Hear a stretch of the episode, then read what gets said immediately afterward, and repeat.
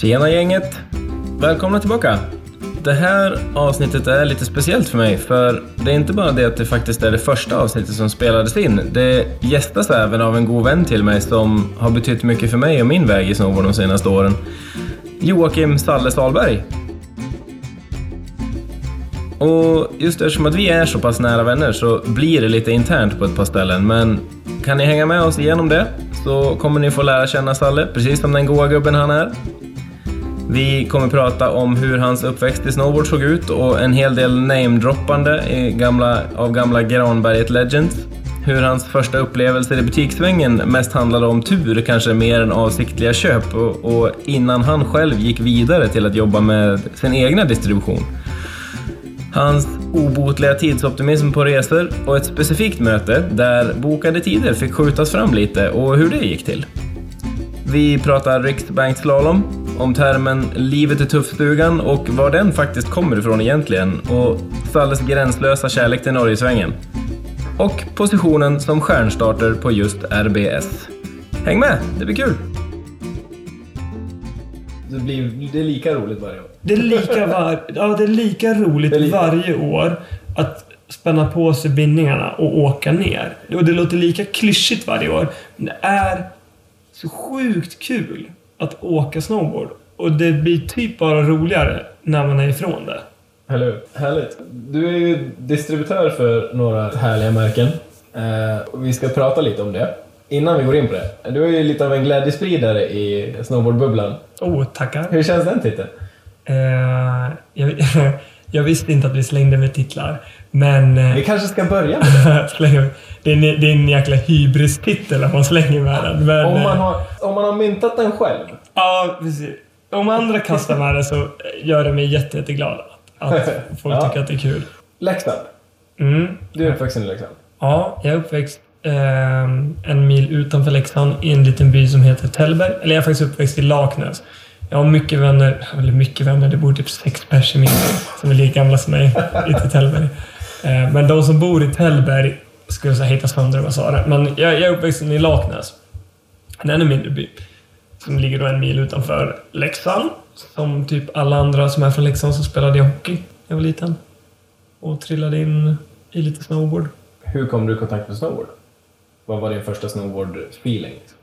Jag har försökt tänka tillbaka på det så sjukt många gånger så här när jag åkte snowboard första gången. Och ska vi helt ärlig så tror jag att första gången jag åkte snowboard så har jag för mig att jag tyckte att det sög.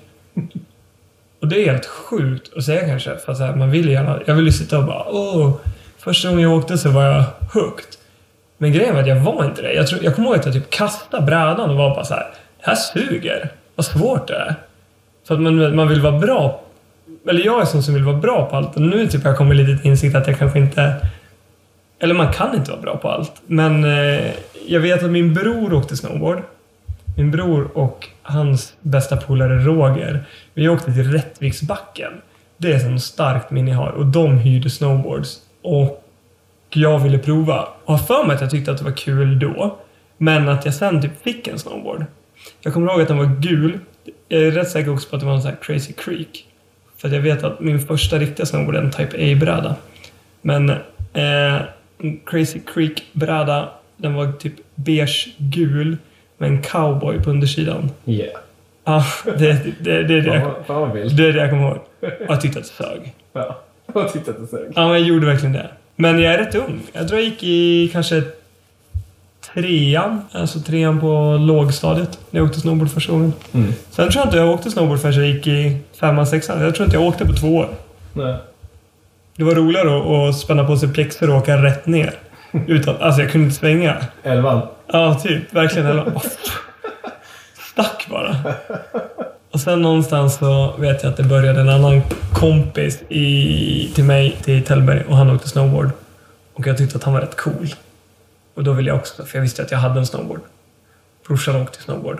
Och hans kompis åkte snowboard. Så då skulle jag också åka snowboard. Ja, typ, ja, men typ verkligen. Där någonstans kom jag i kontakt med snowboard. Sen tog det nog ett tag innan jag... Nej men jag, jag tror jag gick åttan. Och då var det någon som tog mig till Granberget. För jag hade snowboardklubben träningar. Eh, och då var det så sjukt kul. Jag hade Claes Beijer som coach, vilket är... Oj. Ja, det säger ju kanske lite hur ung jag är. Faktiskt. Där började jag åka med Sebbe, Sebbe Landmark, Filip Landmark, Niklas Tirus. Tickan var the bomb då alltså. Han var ju mest up and coming talang känns det som. Han var så sjukt, sjukt duktig. Klint. Ja, det var fan clean. Ja. Vi var så sjukt bra gäng. Och det var typ... Det var ju alltså... Allt det här är ju på 2000-talet. Jag är, det är ju då jag också, men jag kommer aldrig kunna prata om snowboard på 90-talet för jag har ingen relation till det. Jag har snowboard på 2000-talet när det höll på att dö ut. eh, vilket vi försöker förhindra nu. Ja, det Men eh, eh, jag vet jag hade Fredde och Mange Sterner var i backen ibland och de var ju legends. Och typ Micke Sandi var ju där ibland. Mm. Kristoffer Hultgren. Alltså, så sjukt mycket läxingar som gick i Malung och som var så här väldigt, väldigt duktiga. Som var hem och åkte på helgerna eller på vintrarna. Och då var det så bra standard i Granberget att man, så här, man blev automatiskt peppad. Det var typ svårt att inte vilja åka snowboard. För att folk var ju där och åkte snowboard. Det var typ, men så här, Johan Kolm hade, vi hade två bröder, Johan och Emil Kolm, de var också där. Och Anders Kvist, jag skulle kunna rabbla hur mycket namn som helst.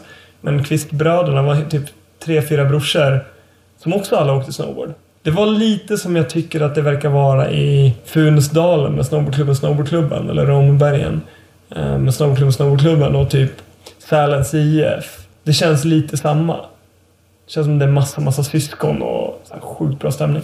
Mm. Så känns det då. Var det det som gjorde att du blev mer, om man ska definiera det, om, man, om du blev en snowboardåkare snarare än att du åkte snowboard på helgerna? Liksom? Verkligen, för att där någonstans på började... semester. Ja, men för där någonstans så började man ju så här prata utrustning och typ så här prata vilka goggles man ville ha och blev lite nördig. Det är mer det. Jag tror att man så blev... jag Började kolla snowboardfilm. Jag vet att jag och brorsan satt och klippte egna snowboardfilmer. Från typ The Resistance och så här klippte ihop våra så här favoritparts till egna filmer och typ jämförde vem som gjorde bästa här riktigt, Best of kollektion. ja, en- verkligen en bästa av kollektion. Det var så här riktigt lökigt men... Nej, det var nice. Jag tyckte det var kul. Man, vart så här, man började se så mycket snowboard helt plötsligt. Eh, Brorsan var ju den som fick mig verkligen så peppad. Men alla, alla de man åkte med var ju också en stor del av det. Men det var ju ändå så här brorsan som visade mig alla, alla filmerna. Så det var ju det var hur fett som helst. Förebilder? Oj, massvis. När du, eh, när du, började, när du hängde i Leksand och åkte, åkte med boysen? Alltså när jag hängde i Leksand och åkte med boysen så oavsett hur mycket jag vrider och vänder på det så är det så här, min, min bror är ju alltid en mega förebild. Han, jag tyckte han rippade då liksom. Kommer ihåg han körde någon frontboard på någon mm, sån stor S-box och typ cab 270 och grejer. Jag tyckte han var, jag tyckte han var boss då. Jag tyckte han var hur cool som helst. Men så här, framförallt Kristoffer Hultgren. Alltså han var så cool. Håkan. Håller dig Håkan. Jo då. Men Håkan var sjukt cool. Hade ett jäkla bra stil. Och Bjärmo. David Bjärmo. Också så här. Folk som jag faktiskt tyckte det var kul att... För dem... Ja, Håkan hälsade inte så mycket. Han, var- han var mer... Han var, han var ju cool liksom. Men Bjärmo kunde ju ändå så här hälsa och var trevliga grejer. Och jag kommer ihåg att jag tyckte att de var... Då var ju det, det var ju shit. För att jag såg inte så mycket utanför Leksand. Det var ju mycket mindre. Så även om jag är ung så fanns ju ingenting av det som finns idag. Det gick ju inte att se en, Jag såg ju inte en enda åkare typ utanför Leksand om inte jag var runt och hängde med på Dreams-lägren. Mm, just det. Och det gjorde jag ju inte. Jag åkte ju aldrig runt på några Dreams-tävlingar. Jag har ju aldrig, jag har aldrig tävlat i... Eller ens försökt tävla. För jag var, inte, jag var faktiskt inte så duktig. Jag tyckte det var kul. Typ sjukt skulle åka. Det är som är viktigt. Ja, tyckte mest var kul att vara hänga. Tyckte egentligen typ om jag skulle hänga och snacka skit. så här, käka pommes och snacka skit. Var typ... Jäkligt viktigt. här, Var coola kläder. Ja, exakt. Ja, jag glömde ju den största. Martin Sandberg. Det var egentligen där någonstans så gick det från att jag typ... Jag vet att jag, jag hade en Type A snowboard. Jag ville ju säga typ att det var så här Backman Pro eller men det, det kommer jag faktiskt inte ihåg. Men jag vet att det var en Type A-bräda. Jag köpte den på Board Shop. Nej, förlåt. Board Store. Väldigt, väldigt, väldigt viktigt. Och jag, det kändes typ mer postorder, för jag vet att jag hade katalogen hemma. Men jag köpte den på nätet, men jag hade verkligen katalogen hemma. Och jag hade dem och så hade jag... eh, klassisk bindning som inte alls finns kvar tror jag. Eh, här får ni nästan hjälpa mig. Eh, klassiskt bindningsmärke. Vad var typ det då? 2005, 2006.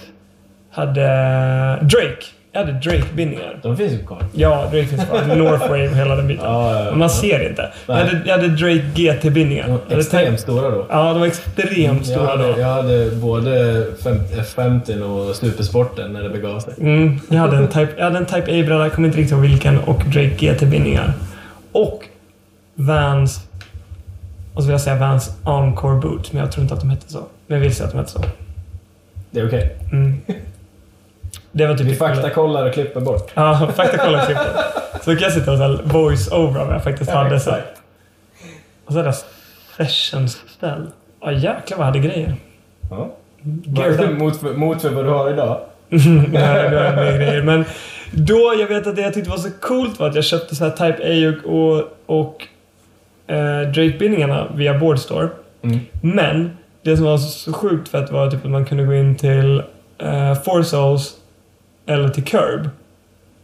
Och nu råkar jag säga fel igen för jag vet att jag har sagt Four Souls förut men jag tror verkligen att det hette Four Souls.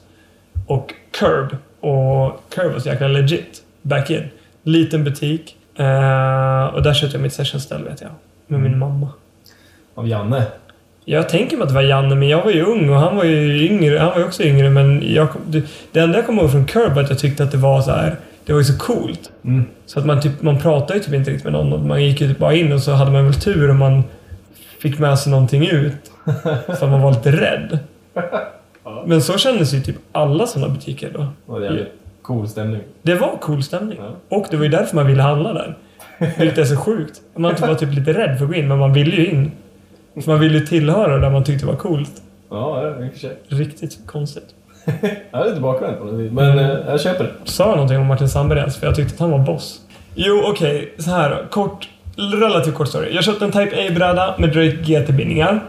Det var mitt första. Var aspeppad. Min bror hjälpte mig plocka ut den. Sen gick den, så knäckte jag den vet jag. Inte för att jag körde för stort eller någonting. Jag tror jag knäckte den för att jag typ åkte in i en box.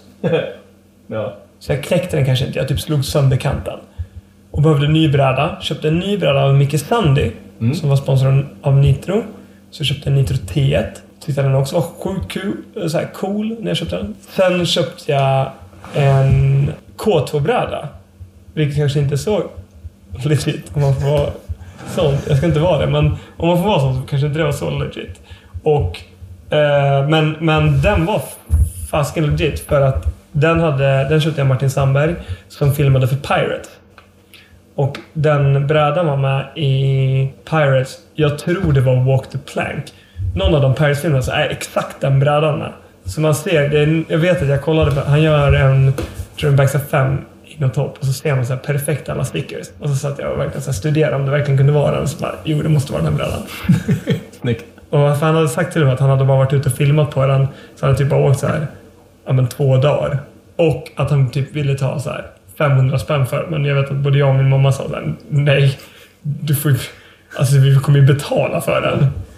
Men eh, han, han ville typ nästan ge bort den. Och eh, jag vet att vi, men vi betalade för den.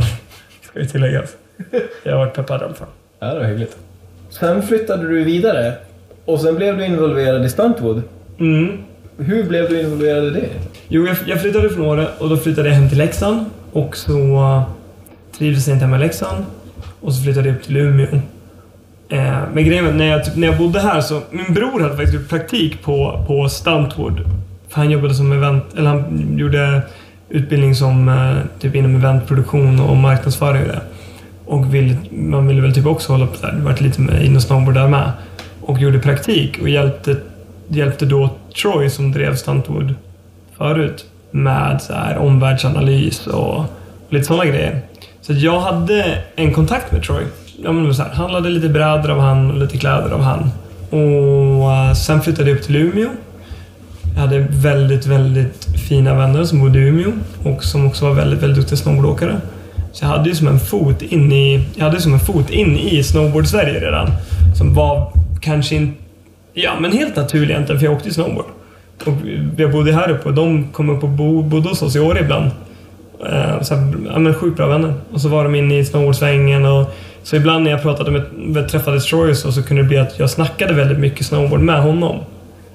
Eh, och mycket om vad jag tyckte och tänkte om, om industrin och för att jag tyckte att jag fick se det från åkarnas perspektiv. För det var ju några av mina närmaste vänner, som, som Sebbe till exempel, en av mina absolut bästa vänner. Så jag tyckte att jag såg det från åkarnas perspektiv. Och men så här, gymnasieutbildad ekonom. Ja. Så det är inte en ekonom.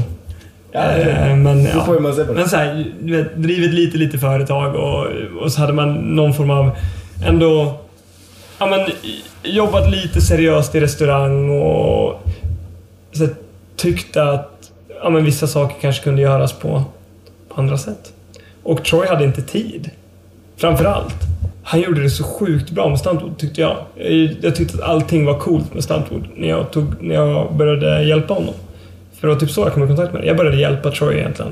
Att åka upp på testhelgerna och jag tror tanken var lite att jag skulle hjälpa honom lite med så här marknadsföring och vet, få in lite åkare. Och så började vi prata om det och, och kom in på att... Så frågade han mig rakt ut så här. Skulle du vilja köpa distributionen av mig? Fan vad... Jag tror han var sugen på att... Eller köpa in mig i distributionen var det mer. Och det var jag ju. Det var ju en jäkla dröm att få börja jobba med snowboard. Så att... Eh, det är ju så det är. Jag typ halkade lite in i det och snackade mig in i det. Typ på ett så här konstigt sätt. Snackade mig in i snowboard. Och sen började jag jobba med Troy. Sen tog jag över distributionen för tre år sedan. Tog jag mer eller mindre över hela distributionen. Och Troy liksom hoppade lite mer åt sidan. Och för två år sedan hoppade han helt åt sidan. Men för tre år sedan började han hoppa lite mer åt sidan. Och då började jag sköta all försäljning och gjorde alla de grejerna. Åkte runt på alla testhelgerna, träffade alla butikerna, skötte all marknadsföring, gjorde, skapade event. Egentligen är det här nog fem år tillbaka för att det är fem, vi har femårsjubileum på Stuntwood Sessions i år. Jag hade ju egentligen inga pengar och det kostar ju faktiskt att köpa in sig i ett företag. Så att mina föräldrar hjälpte mig med ett lån.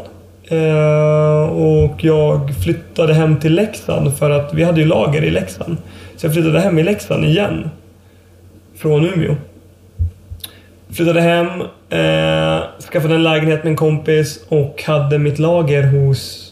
Alltså det lagret vi hade då flyttade jag från Troys källare till mina föräldrars hus. Och i, i, faktiskt i mitt barnrum, i mitt pojkrum, så byggde vi i ordning mitt Stuntwoods lilla lager. Så det är, det är för folk som tror att vi, jag driver en, en stor distribution. Eh, så nej, jag rymmer den i, i mitt lilla pojkrum eh, som jag hade när jag växte upp. Eh, det är så här, vi, vi, vi är inte större än så. Stuntwood är inte mycket större än så. Och min pappa var pensionär. Så min farsa typ körde ju alla ordrarna. När jag var ute och gjorde sälj och sånt, då packade han ordrar och skickade iväg dem. Eh, Min morsa hade typ gått ner lite i tjänst. Eh, Så hon hjälpte också till. Så mina föräldrar har typ hjälpt mig packa ordrar när vi haft distributionen. Eh, Och ja, det är typ den vägen. Det har verkligen varit så här. Eller verkligen varit. Det är fortfarande ett, ett jäkla hustle. Typ. Men jag tycker att det är så jäkla roligt. Så där någonstans. Där någonstans det. Ja, där börjar det ju. Och nu, är, nu viker jag in Pojkrummet. lite vart jag är. Men det är, ja, men jag började, jag började verkligen så. Det kom, jag har ett företag som har varit i ett pojkrum och mina föräldrar har verkligen hjälpt mig mer än vad jag tror att de förstår och behöver. Det har varit så sjukt jäkla ballt. Även om min far ibland får för sig att det kanske är hans företag och kan typ helt plötsligt ha helt nya goggles eller helt nya handskar när han ska ut och cykla mountainbike. Han är ju min enda fullsponsrade teamåkare. Han är typ den enda som alltid har gratis prylar varje säsong. Hur står sig, eh, hur står sig drömmen om, eh, om eh, ro- rockstjärnelivet om att jobba med snowboarddistribution mot verkligheten? Rätt, rätt stort. Jag jobbar ju... Jag jobbar egentligen inte med, med stuntwood på det sättet. Eller det gör jag ju verkligen. I allra högsta grad så jobbar jag med stuntwood. Eh, Jag driver en agentur och en butik Så jag drev, en, jag drev en distribution, vi, gjorde, vi ändrade om distributionen till agentur. Det hade varit mycket bättre. Men jag tjänar ju inga... Alltså jag tjänar ju ingenting på Stuntwood. Det gör jag ju inte. Utan jag jobbar ju som eventproducent. Jag jobbar som projektledare på en eventproduktionsbyrå i Stockholm. Eh, så vi bygger upp eh, mässmontrar och butiksinredningar och typ all så här fysisk marknadsföring för väldigt stora varumärken. Så det är ju vad jag jobbar med. Och sen jobbar jag typ 200% med att driva världens bästa lokala onlinebutik. Ja, men jag tror man kan säga så. The world's best local online store. Det hade varit, det hade varit en sämre slogan än den jag har. Men, men så är det i alla fall. Jag, jag, här, jag, jag, jag driver ju Stuntwood som ett hjärteprojekt. Och jag hoppas att det någon gång ger resultat. Jag tror det kanske kan börja ge resultat snart. Men jag gör det för att jag tycker att det är så sjukt kul. Jag får ju ut, alltså till alla som så här, det är väldigt många som frågar mig så här, varför gör du det? För du, du går ju aldrig runt på det och ni, så här, jag pytsar inte in mer pengar i det. Det har jag inte gjort. Jag har inte förlorat några pengar, än. Men, eh, men jag får så sjukt mycket av att köra stuntboard. Jag får skapa...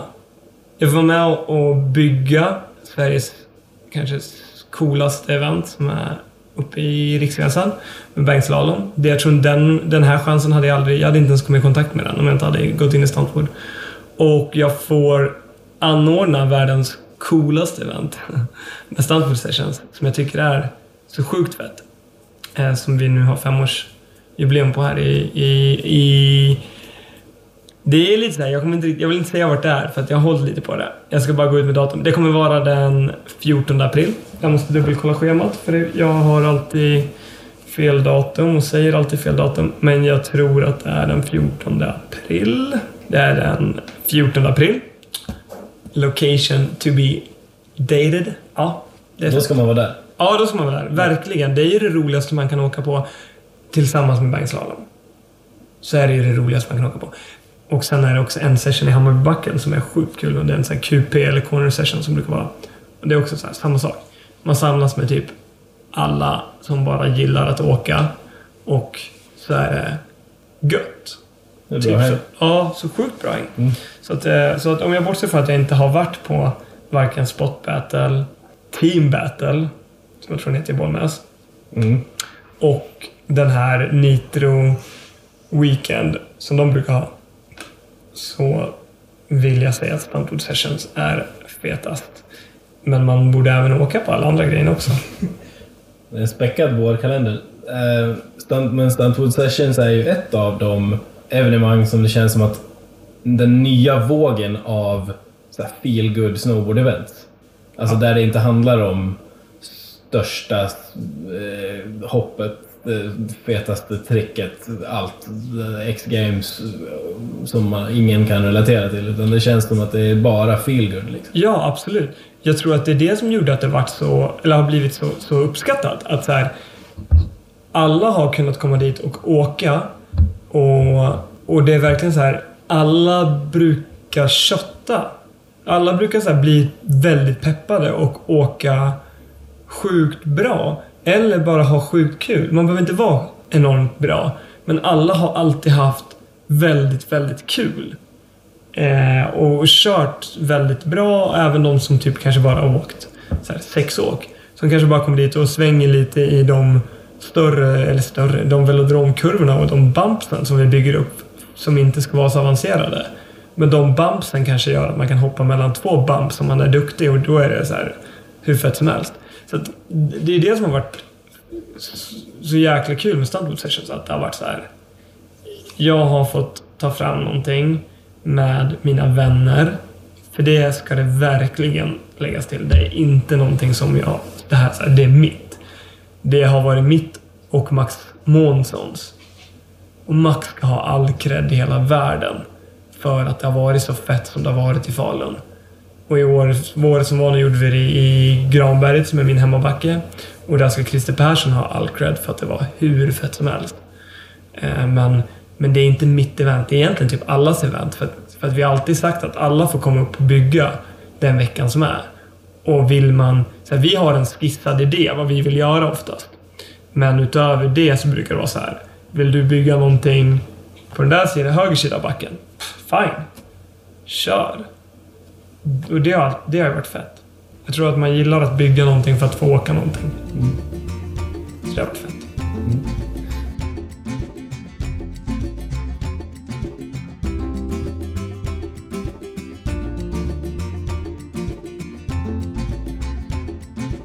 Jag har sån jävla AD. Jag tror att jag har lite lätt ADHD, eller kraftig. Men jag kan ju inte riktigt sitta... Men det, jag tror inte att det handlar om att jag inte kan sitta still. Jag tror bara att det handlar om att jag inte riktigt kan så här, typ koncentrera mig. Jag vill göra väldigt, väldigt mycket. Mm. Jag kommer ju på mig själv typ när jag sitter och gör saker med, med just Stuntwood. Att det blir så här. Åh, nu ska vi sitta och redigera alla foton för webben. Ja. Och så börjar jag redigera så bara Fan, det här hade varit en bra produkttext. Och så helt plötsligt jag skriver produkttext. Och sen bara Shit, är det den här Cambly-profilen på den här brädan? Och sen sitter jag och kollar Cambly-profiler på de andra brädorna. Ja. Och sen helt plötsligt sitter jag uppe med vet, så här, typ 30 fönster på datorn. Och, jag, typ, och sen är det typ klockan 12 på natten. Jag har ändå inte fått... Alltså jag har inte avslutat Nej. något jag har börjat med. Tio projekt igång. Typ, typ 10 projekt. Vi började med ett, slutade med tio ofärdiga. Ja, exakt så. Och sen kommer typ dag två då är det 20 ofärdiga projekt. Ja, verkligen så. Salle många bollar i luften. Mm, verkligen. Har det här någonting med att göra med att du får springa till resor hela tiden? Mm, väldigt mycket springa till resor. Var du i tid till flygbussen idag? Jo, Åh fan. ja, jag var faktiskt det. Ja. Jag var ju tid i flygbussen. Behövde inte springa ikapp den. Nej, nej fasiken alltså. Jag var så sjukt god tid senast jag skulle ut och resa. Nej, inte senast. Det är faktiskt det är en lögn. Senast jag och min flickvän skulle ut och resa eh, så var vi rätt god tid ute. Typ så här, för mig god tid, typ 10 minuter. Och så tänkte jag så här, ja men vad nice. Vi kan ju stanna och ta, eller vi kan ju typ ta en kaffe innan. ja. Så jag bara, ja, men vi går in och tar, vi går in och tar varsin cappuccino. Eh, ja, jag, jag dricker kaffe med mjölk. Jag Ja, tycker, det- det är okej. jag, jag tycker att det är gott. och Johanna bara, men vi hinner inte. Jag bara, skämtar du eller? Det är, så att, det är hur lång tid som helst. Hon bara, det är tio minuter. och jag bara, det är hur lång tid som helst. Eh, går in, beställer, står och, och står typ med, alltså med kortet i kortterminalen. Och då kommer bussen. Ah, alltså ång. Jag tror inte jag hade någon ångest, för jag var ju också så här typ, för att när man är ute och reser med någon annan som faktiskt har framförhållning, och då behöver det inte vara så här extrem framförhållning, det är typ normal framförhållning. Vilken normal människa som helst som har lite framförhållning tänker typ att ja, men vi ska resa klockan två. Vi kanske behöver åka till flyget klockan tolv. Eh, för att det tar typ en timme och de har ändå en timme. Det kan vara lite tight. Jag är mer typ, ja, ja, flyget går klockan två. Det är 40 minuter till Arlanda. Jag åker klockan ett. Och det är typ kaos. Ja. Så hon fick ju lite panik. Men ja, det gick bra. Stressad. Ja, så jävla Han- Han du då? Ja, vi hann. Jo, vi hann. Vi hann den gången. Ja. Det vi hann faktiskt den gången. Ni vinkar ner dem? Vi tog taxi. Ikapp? Nej, nej, vi tog taxi ut till Arlanda. Jaha, det var- blev alltså ingen flygbuss? Nej, det var... Nej, det var typ fem flygbussar. Det var cappuccino? Totalmässigt. Ja. Shit alltså. Annars har vi ju sprungit till bussen någon gång. Mm. Det är kanske för att vi tillsammans blir lite tidsoptimistiska. Jag tänker att jag med många blir väldigt tidsoptimist för jag tror att jag så kan ha den med lite lätt hybris kan ha inflytandet att så här, "Äh, det löser sig. Men det kanske inte löser sig. det är väl typ det. Men det kanske inte löser sig. Nej. Nej, men jag tror att det är många resor där jag varit så här, "Ah, ja, jag ska ju bara ta mig dit. Boende, det fixar man.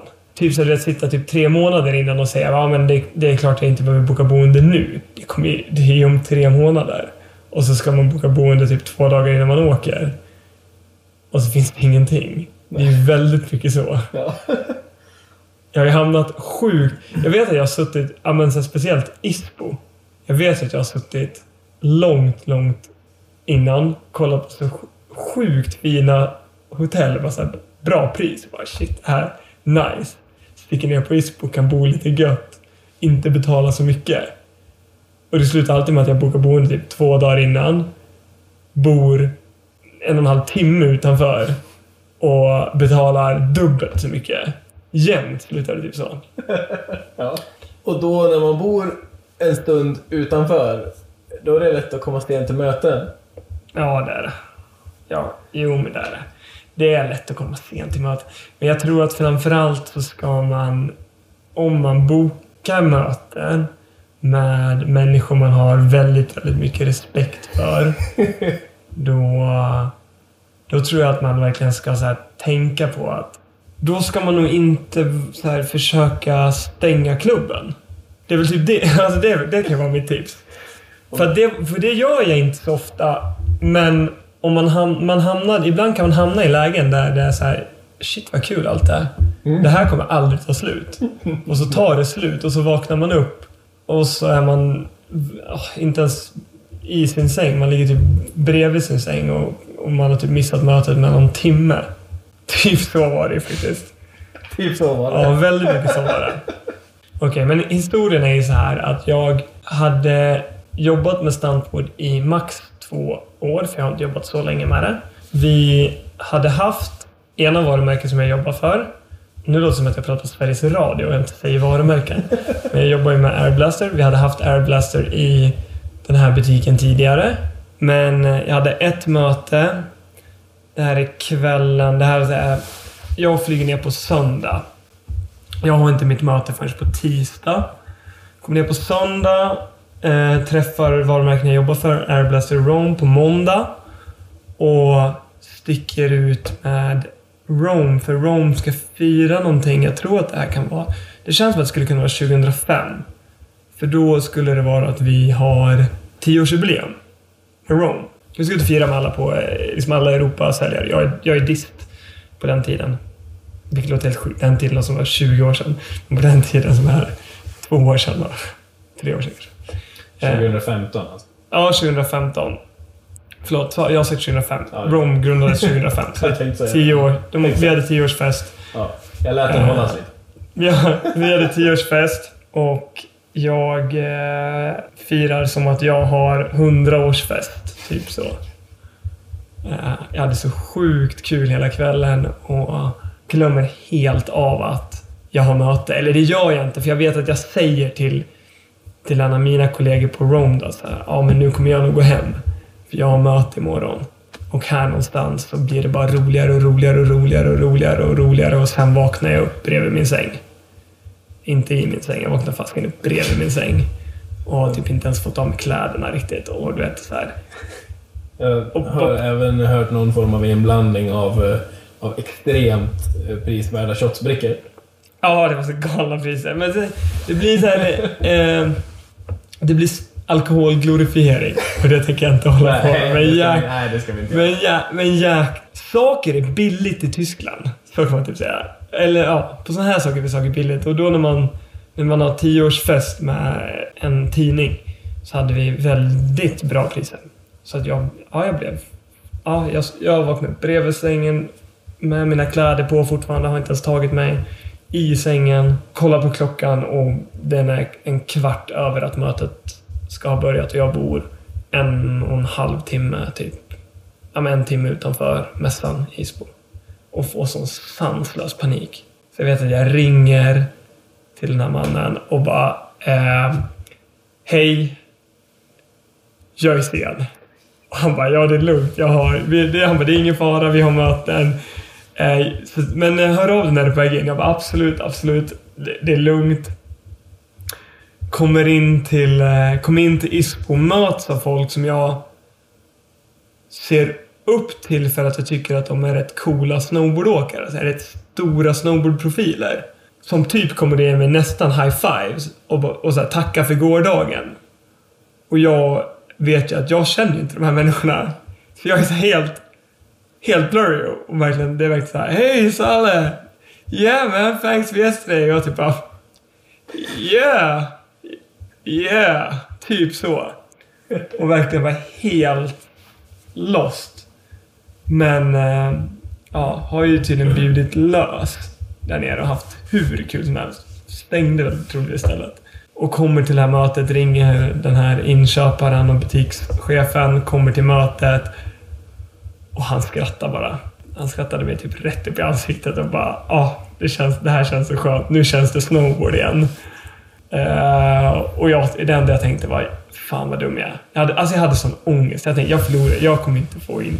Jag har liksom betalat ja, men, en bra summa för att ens bo i Tyskland där nere då.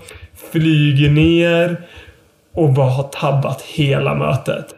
Och han typ bara skrattar och tycker att det är rätt skönt att det är, så här, det är snowboard.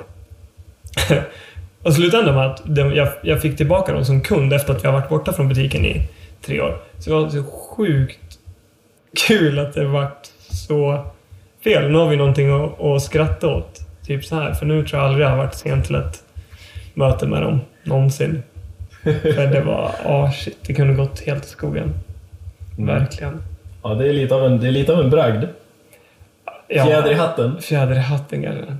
Men jag tror så här. För, äh, ska ju höra till också, tror, för alla trodde typ jag hade åkt på stryk. Ja. Jag hade fått någon sån här vagel i ögat som jag hade försökt, som jag på fyllan trott var någon finne eller någonting och försökt klämma sönder. Klämt sönder en, ett blodkärl under ögat. Så jag var ju, alltså jag såg ju ut som att jag hade fått alltså en sån jävla jävla snyting. Men, eh. Minns jag rätt om jag, om jag säger att du inte ens visste om det här när du kom till Isbo? Ja, ja absolut. Nej, det var, det var faktiskt eh, den personen jag hade möte med som, som bara Åh, schysst, har du på stryk eller? Och jag bara va? Han bara, ja du har ju fått stryk. Jag bara, nej jag har inte fått stryk. Försökte så här skämmas bort det, typ började tänka lite själv bara, eller har, har jag fått stryk? Så jag bara, började känna lite, hade ju inte ont någonstans men men nej, och det var verkligen vagt. Jag tror jag hade den sen, alltså från Isbo. Det här är Isbo då var ju typ i mitten av januari vill jag minnas. Och jag vet att vi hade det när vi var i, Gränsen. i gränsen som är i, i maj. Eh, så jag kanske borde ha kollat upp det där tidigare. Kanske. Jag fick ju operera bort den sen. Ja. Eller Ja, operera, bra. skar bort den. Ja. Inte jag, doktorn skar bort den. Skönt, höra. Ja. Eh, Skönt att det var en, le- en legitimerad person som skar bort den Mm. från ditt öga. Nej, jag ska inte inblandas med knivar och Nej. ögon. Apropå att eh, bygga någonting för att få åka någonting. Vi brukar ju spendera lite tid ihop med, eh, med en spade i handen. Mm. Mm. Ja, det blir lite tid. Förstår du vad jag tänker på? Ja, bankslalom. Bankslalom. Bankslalom. Men du, eh, det, dit, eh, det, det, kommer vi, det kommer vi ha lite, det kommer vara lite som en röd tråd. RBS. RBS kommer vara lite som en röd tråd med de flesta som eh, vet vad det är för något. Ja, och Riksbankschefen. Riksbankschefen. Du är ju en del av eh, Digger-crewet. Yes sir. Har varit länge. Ja, Några nästan OG Digger Crew. Nästan OG det. ja, men det kan jag inte ta på mig. Nej, men bra nära. Men bra nära. Mm. Vi har några grejer som vi tänkte att vi skulle försöka summera upp Ja. avslutningsvis i det här avsnittet. Jajamän. Det är en extremt viktig punkt. Kör. Livet i tuffstugan. Livet i tuffstugan. Hur skulle Och- du beskriva livet i tuffstugan? Alltså, jag kommer vara så här snabb och säga att tuffstugan för Riksbankslalom Vad är tuffstugan? Ja, men tuffstugan för Riksbank Slalom är ju inte vad tuffstugan är. Det, det här kommer bli luddigt. För tuffstugan myntades egentligen på... Det hette inte Orange Open då. Men det som var innan. Som var typ... Alltså som var Jelka Warriors Boysens. De hade ju en tuffstuga och den var ju verkligen, det var ju verkligen tuffstugan. Jag tror att vet man vad det var så var det så här, shit, det var bara det var coola boys. De kommer skratta åt mig när de hör det men... Och sen var typ tuffstugan in i, i Digger Crew boendet med, med ja, där jag och Fokten och boysen bodde. Det, det är väl... Det är, det är ju inte stökigt. Det är bara bra. Det är bra boys. Det är bra boys. Ja, det är bra boys. Det är riktigt bra boys. Det är riktigt bra boys. Ja. Men the OG tuffstugan är ju från Jalka Warriors. Eh, de hade en sån riktig tuffstuga där typ, där så här. Eh, bord ska ha slagits sönder och stolar ska ha slagits sönder. Vet, man ska typ ha skällt ut någon granne som försökte stänga ner efterfesten som klockan var typ så fyra på natten. Det var ju typ så här OG tuffstugan. Ja. Men Jalka Warriors är ju också OG. Ja, de är, de är OG. Det får man ge dem. Ja, de är OG på riktigt. Ja. Ja, verkligen. Det finns en bra, det finns en bra bild från, eh, vad vi kallar, om vi kallar det för våran tuffstuga då. Det finns en bra bild på dig i, eh, med frukt. Mm. Som aldrig skulle kommit ut, men den kom ut. Jag tror att det finns mycket bra bilder som jag tycker aldrig ska komma ut, som kommer ut. Den kom ut fort också. Ja, den kom ut fort också. Har du någon kommentar på den här bilden? Nej. Alltså, så här, det, jag kan inte säga så här, det som händer i gränsen händer i gränsen, för det gör det inte. Det som händer i gränsen händer ju typ överallt. Online. Hem, hemskt tänkte jag säga, men hela tiden. Och det är så här, det är fan vad kul det är där uppe, typ det jag kan kommentera. Så här, allt är så kul. Ja. Det är typ en helg som är kul och sen så ser man ut som ett fån. Det är okej. Vi kommer även, eh, när det här avsnittet släpps, vi är ju nu lite tidigare på vintern. Ja. Eh, Det här avsnittet kommer släppas lite längre fram. Nej, Men när det här avsnittet finns ute, då kommer man även kunna se den här bilden på Snowboardpoddens eh, Instagram. Oh. Ja, du vet. Ja, du vet. Ja, jag vet att det finns mycket bilder. Nej, men det är kul. Det är Så, eh, gränsen är ju... Alltså för att man har haft en banan innanför sitt underställ så kan jag inte riktigt summera det med att gränsen är laglös. Men, men, så här, men gränsen är ju verkligen... Det är ju typ som att vara i ett land. Det är ju att vara i ett låtsasland. I en vecka. För vi är där i en vecka och bygger. Men det är ju som att vara i ett låtsasland i en vecka. Uh, där man åker snowboard och allting bara är... Allting bara är. Mm. Typ så. Ja, jag tycker det är ganska bra summerat. Det är speciellt. Ja, Det är en laddad plats. verkligen en laddad plats och kanske så här för att det är mycket, så sjukt mycket som har gått ner där. Alltså så här, verkligen mycket som har filmats, mycket som har fotats. Jag vet inte hur många gånger jag har varit starstruck där uppe inom loppet av några år. Det är ett gäng gånger. Och jag vet inte hur många så här, nya vänskaper jag har skaffat där uppe. Det är också ett ett gäng. Jag skulle säga hela Digger Crew som är med i RBS är ju nya vänner tack vare gränsen. Så här, Johan Fogt som är banläggare. Jag, hade inte känt, alltså jag kände inte Johan innan vi började bygga gränsen. Innan vi började bygga Bergslalomen liksom. Kandell jobbade ihop, men kände inte Kandell. Alltså jag har ju verkligen så här varit bekant med Kandell sen jag var 21. Men jag är ju god vän med Kandell sedan två år tillbaka. För att vi, vi började bygga gränsen ihop. Och Bergslalomen. Så, så det, det är så här. Det, är, det, är sånt, det blir sån sjukt bra gemenskap. Det är ett härligt gäng. Ja, ja, verkligen. Jag tror inte att... Alltså jag tror att det är många... Jag tror inte alls att det är många som vill bara åh, jag ska också upp och gräva. Det tror jag inte att det är många som vill. Men de som gör det nu tycker att det är så sjukt kul. Så jag, jag, det, var någon, med- det var någon som frågade mig för inte så länge sedan skulle det inte vara kul att bara åka upp till gränsen och vara? Jo, det skulle vara jättekul att bara åka upp till gränsen och vara där en vecka. Men jag tycker att det är så sjukt kul att gräva den där banan. Det ger mig någonting helt annat att få ha varit med och grävt banan och sen få stå och starta, jag vet inte hur många åkare det är nu, men en, en drös. 250.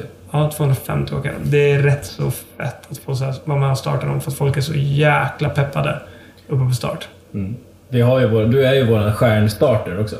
Ah, Jag tycker det är kul att starta folk. Ja. Men det så här, i år var det, i år var det mega. I år hade man ju så här, egen startkur. Jag hade musik där inne. Eh, I år var det verkligen mega. I år behövde jag inte bara stå vet, och så här, peppa upp åkarna själv. I år var det typ sätta på sin favoritlåt och droppa in. Eh, hur fett som helst. Ja, det var coolt. Det är coolt. Ja, du har ju fått starta några, du har ju fått starta några legender. Allt ifrån eh, Risk eh, Kidsen till eh, Jake Blavelt. Liksom. Mm, verkligen. Väldigt spridd skara. Namn. Väldigt spridd skara namn. Alltså, eh, Har du någon som du har blivit lite så här extra förvånad över? Eller extra så här peppad över att starta? Eh, Blauvelt var faktiskt en av de som jag var extra peppad över att starta. Men typ hela det, det året så, så här, körde ju Sam Taxwood och Jake Blauvelt, eh, Terje körde, Phil Jacques, hoppas jag uttalar det rätt, Pat Moore. Det var ju ett, det var ett år som var så här helt overkligt och så ska man stå och starta de här och försöka typ Ja, men du vet, jag vet inte ens om man behövde peppa igång folk, men jag tycker att det är kul att stå och prata med folk innan och peppa dem. Det var rätt overkligt att få starta om och det var, det var sjukt peppande. Eh, men jag tror att roligast att starta jämt är nästan... Ja men kidsen är faktiskt det roligaste att starta jämt för de är så här... De är så sjukt peppade. Alla kidsen är så här... De är typ... Ja men i vissa år, jag vet inte, men den yngsta kanske var åtta eller nio år i år. Mm, jag. Eh, tjej som körde. Ja. Och de också så här, de är ju minst lika peppade som alla äldre. Ja, och det är så coolt att så här, fråga dem, ah, har du kört någon tävling förut? Och det är så här, nej det är första gången de är typ ute och åker något sånt här, någonsin. Och det är fett. Det och att starta Ingmar är alltid roligt, för Ingmar är alltid så här. jag vet inte. Han känns lite som en filur. Jag är väldigt lit, jag är så här, jag har väldigt liten jag har gränsen och Ingmar. Liksom. Det är, och det är väl, har väl alla i och för sig med den, med den backstaddaren. Men eh, jag tycker alltid det är kul för han frågar nästan typ väldigt ofta så här hur, hur fort någon annan åkte. Och, och eh, är så här, typ pillermarisk som man skulle kunna beskriva honom. Så, så det är de... Det året när man startade alla de här superproffsen som var där uppe. Det var sjukt. Det var sjukt. Men annars är det, är väldigt coolt att starta kidsen. Och den typ ballaste starten fick ju typ Len i år. Det känns Ja, som att vi skulle välta hela kuren. Det kändes som att jag hade ont i hela kroppen efter att vi startade Len i år. Ja, då kändes det som att vi skulle välta kuren Ja. faktiskt. Eh, det var fett. Det var jäkligt fett. Ja, det var bra. Det var bra stämning. Ja. En liten, av, eh, en liten avrundning. Mm. Din kärlek till Norgesvängen. Oändlig. Ja, verkligen oändlig. Shit, vilken sväng det är. Eh, ja, verkligen, verkligen, verkligen, verkligen, verkligen.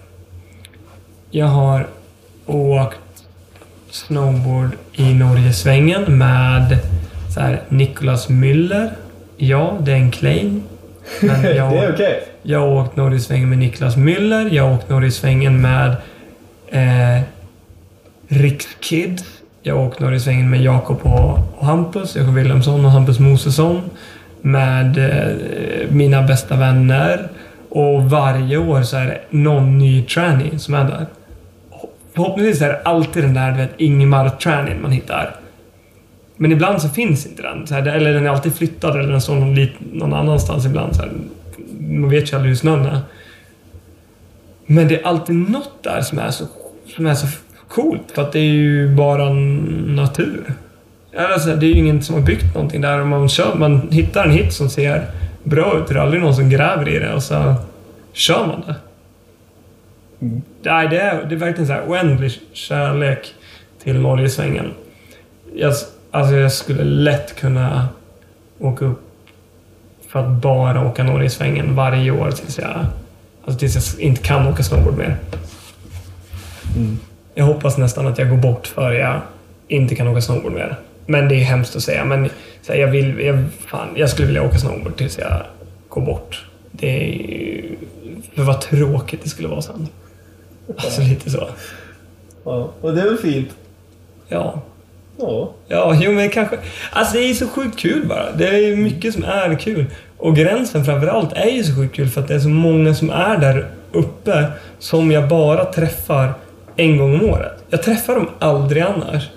Och det känns som att man typ träffar dem för typ, ja men så här, för att man har sett dem en vecka tidigare. Det är alltid samma stämning.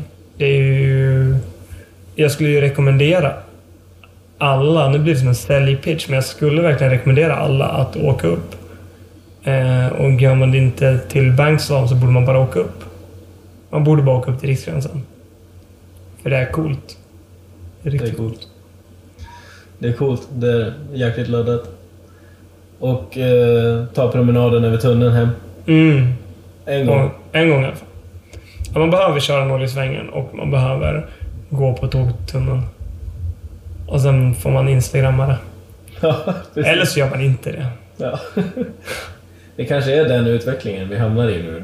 Nu, är det som claim to fame genom Instagram och sen nu kommande åren, nu kommer det dala. Så här, det, blir tvärtom. Man Ja, låter bli att claima det. Ja, men alltså så här, jag menar... typ hela mitt Instagramflöde är ju bara favoritfoton som jag sitter och håller på. Mm. Så att folk ska tro att jag lever ett jättefett liv. Ja. Ja, frå, frontat jetset liv. Frontat jetset liv, ja. Shit, man reser mycket. Ja, kan... Ja. Du gör ju några mil i bilen då. ja, ja, ja. Lätt att man gör. Alltså, jag vet inte hur många mil man gör, men det blir mycket. Den här... De senaste två veckorna så har jag varit... Jag har rest eh, Stockholm, Göteborg, Stockholm, Göteborg, Stockholm, Hemavan, Stockholm, Sälen, Stockholm och nu är vi i Åre. Det är på två veckor. Mm. Och sen sticker jag till Portland på fredag. Ja. För att träffa Airblaster som jag jobbar med. Det ska bli fett. Mm. Typ så. Ska vi avrunda där? Mm, jag tror det. Tack, fall. Tack själv. Kul att du ville komma och prata med mig. Tack för att jag fick prata. Jag tror att jag har pratat väldigt mycket. Det är okej. Där- jag får hitta. Får hitta godbitarna. Mm, verkligen. Fan vad trevligt.